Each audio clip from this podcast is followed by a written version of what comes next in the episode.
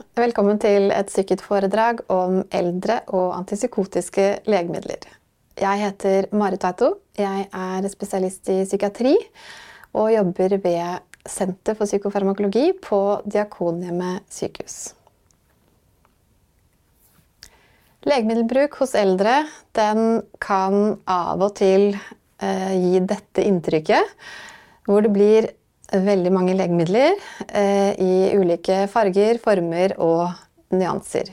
Og ikke minst med til dels eh, overlappende effekter eh, og bivirkninger.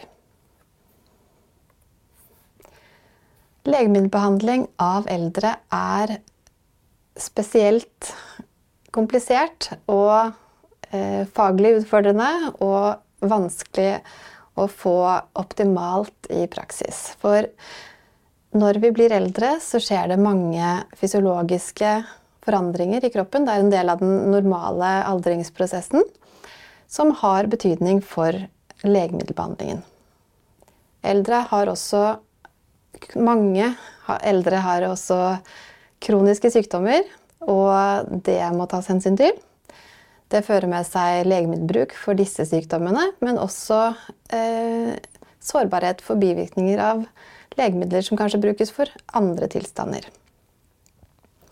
Interaksjoner betyr at legemidlene påvirker hverandre. Og det eh, blir det mer av jo flere legemidler man bruker. Og så er det det punktet med bivirkninger, hvor eldre er mer sårbare for bivirkninger av legemidler. Og det er viktig å ha med seg når man skal behandle denne gruppen. Den aldrende hjernen den eh, er illustrert her med et eh, tre med mange greiner. Og det gir også litt eh, assosiasjoner til kanskje at det er litt glissent fordi løvet har, har, falt. Og hjernen blir jo også eldre. Den blir litt mindre med alderen. og det skjer uunngåelig en del forandringer men i varierende grad mellom ulike eldre. Så det er stor variasjon i hvor frisk eh, man er i alderdommen, og hvor godt eh, hjernen fungerer, og hvor sårbar man er for sykdom og, og ikke minst bivirkninger av medisiner. Så det eh, gir en stor variasjon innad i eldregruppen. Det er ikke en ensarta gruppe. Og Eh, nå, det som er viktig å huske på, er at alle psykofarmaka har jo hjernen som måleorgan. Det er der de skal ha sin effekt. Psykofarmaka er legemidler som brukes for å behandle psykiske lidelser. Eldre bruker mange legemidler. Som jeg sa, dette her er eh, tall fra eh, folkehelsa. Ni av ti eldre bruker reseptbelagte eh, legemidler. Og forskrivningen av psykofarmaka øker med alderen. Det viser en eh, rapport eh, som Folkehelseinstituttet publiserte i 2018.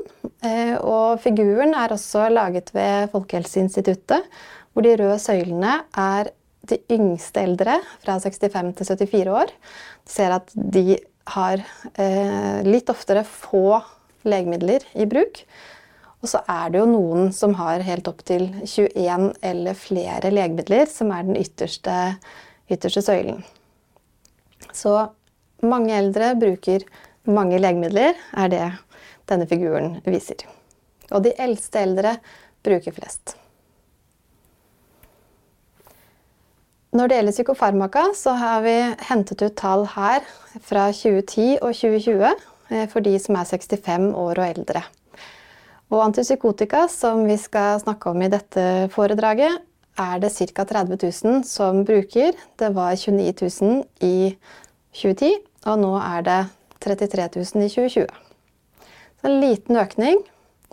Men eh, det er større forskjeller i andre eh, grupper. Og hva er antipsykotika? Anti det betyr mot, motsatt, noe som motvirker. Og psykose er satt sammen av ordene syke og osis. Syke betyr sinn eller sjel, og osis betyr unormal. Så psykose kan oversettes med en unormal tilstand av sinnet. Og antipsykotika er da legemidler som skal motvirke denne unormale tilstanden av sinnet. Og det er jo ikke ett legemiddel, antipsykotika. Det er en gruppe legemidler. Tidligere ble det kalt nevroleptika. Og det sies også første generasjon, andre generasjon. Det høres, eh, høres litt rart ut, men det er Første generasjon er de eldste eh, legemidlene i denne gruppen som ble laget. Og så kom det nyere legemidler som vi da kaller andre generasjons antipsykotiske legemidler. Og det som er felles for alle disse legemidlene, er at de virker på reseptorer for signalstoffet dopamin. Men de har varierende effekt på andre signalstoffer i hjernen. Så det vil si at man kan ikke bare styre etter effekten, man må også styre behandlingen litt etter bivirkningsprofilen. For den er ganske ulik mellom de ulike legemidlene. Dette er en oversikt over eh, topp ti antipsykotiske legemidler blant eldre, hentet fra en tidsskriftartikkel i, i 2019. Eh, hvor dette er topp ti i 2018. Eh, med Seroquel som handelsnavn, eh, Kvetiapin, eh, som det som er mest forskrevet. Eh, og så er det sikkert mange av dere som har eh, hørt om en del av disse legemidlene før. Haldol, som har vært brukt gjennom veldig mange år. Sisordinol, Cyprexa. Mange av dere som jobber i helse- og omsorgstjenesten, har vært borti disse legemidlene. For en del år siden, midt på 2000-tallet, så ble det amerikanske Food and Drug Administration, FDA, klar over at det var en, det var en sammenheng mellom bruk av Risperdal og eh, alvorlige bivirkninger, altså økt risiko for hjerneslag og død, bl.a. En liten, men eh, signifikant økning. Og man valgte da å gi ut en såkalt black box warning, en, eh, en advarsel om at risikoen for død øker i gruppen eldre med demens ved bruk av disse legemidlene. Det begynte med ett legemiddel, og så så man at dette er egentlig en gruppeeffekt. Eh, sånn at generelt så anbefales ikke antipsykotiske legemidler for behandling av atferdsmessige og psykiske symptomer ved demens.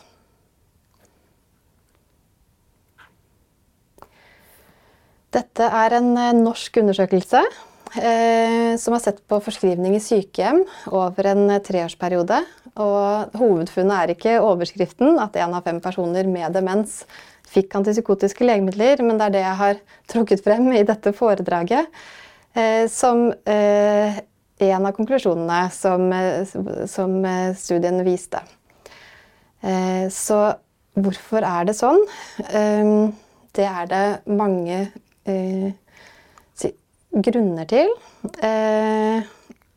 Og viktig å tenke over når man behandler personer med demens, enten de bor i sykehjem eller hjemme, og være ganske bevisst medisinbruken. For det er jo ingen som ønsker, verken personer med demens eller eh, de som, eh, som eh, hjelper dem, å komme i denne situasjonen hvor personer på et sykehjem fikk antipsykotiske tabletter og fikk veldig alvorlige bivirkninger. Dette er en sak fra NRK hvor, hvor pårørende da har varslet om alvorlige bivirkninger av antipsykotikabruk. Og I kjølvannet av dette er jo mange fagpersoner eh, blitt eh, intervjuet, eh, bl.a. Geir Selbekk i Aldring og helse, som mener at for mange eldre får antipsykotika. Og at det verste er at noen pasienter med demens blir stående på medisinen over lang tid uten at man har vurdert nytte og bivirkninger godt nok. I retningslinjen så står det, den nasjonale faglige retningslinjen for behandling ved demens, at, kan, at det kun er kortvarig bruk Eh, og så ser man det at, at lengre tids bruk også skjer.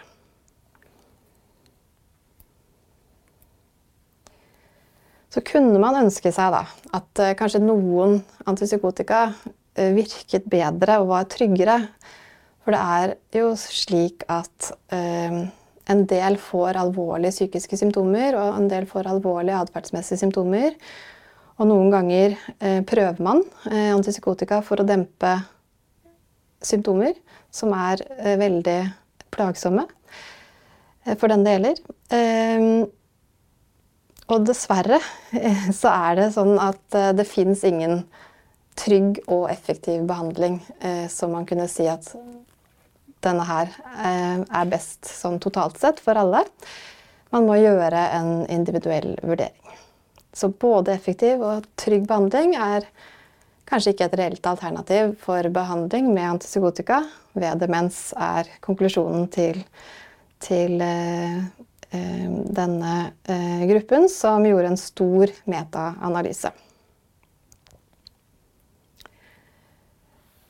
I 2019 eh, så publiserte vi en, en, artikkel om forskrivning av antipsykotika til hjemmeboende eldre.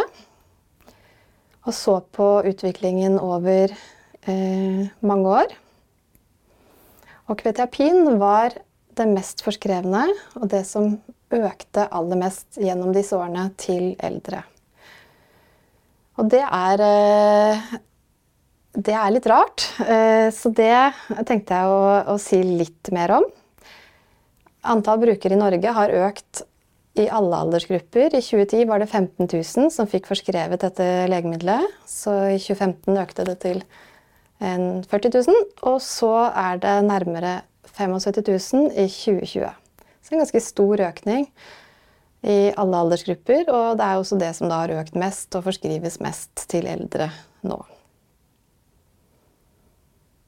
Og det fører til eh, bekymringer, som vi ser her, at kvetiapin ikke er en sovemedisin. Det er det farmakologer som har eh, skrevet om. At eh, sannsynligvis så brukes det en del for lettere plager, søvnproblemer, angstsymptomer. Eh, og ikke eh, for, for det medisinen ble utviklet for. Man utnytter eh, egentlig bivirkningene, kanskje. At man utnytter at man blir litt søvnig av det, at man utnytter at det virker litt eh, dempende. Eh, litt beroligende, er det noen som syns. og så tenker man kanskje, det blir jo en spekulasjon, at, at det er mindre farlig enn andre ting hvis man skal gi noe. Men farmakologene advarer mot å bruke det som, eh, som sovemedisin. Og spør man fastlegene, slik eh, noen har gjort eh, i en studie fra Storbritannia, så ble, ble det vurdert som the, the, lesser of two evils. Altså, man tenkte ikke at det var bra eller, eller trygt, helt trygt, men man tenkte at det var det minst dårlige alternativet. At det var bedre tross alt enn å forskrive benzodiazepiner, altså disse tradisjonelle beroligende valium og Vival. Og det de også fant, at de intervjuet disse fastlegene som, eh, som forskrev kvetiapin, eh, var at eh, kunnskapen om bivirkninger ved dette legemiddelet eh, var dessverre litt mangelfull.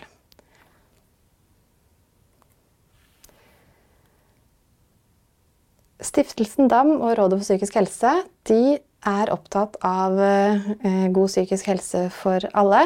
Og eh, opptatt av sårbare grupper, som eldre som bruker antipsykotiske legemidler jo er. Eh, og en del trenger å bruke det.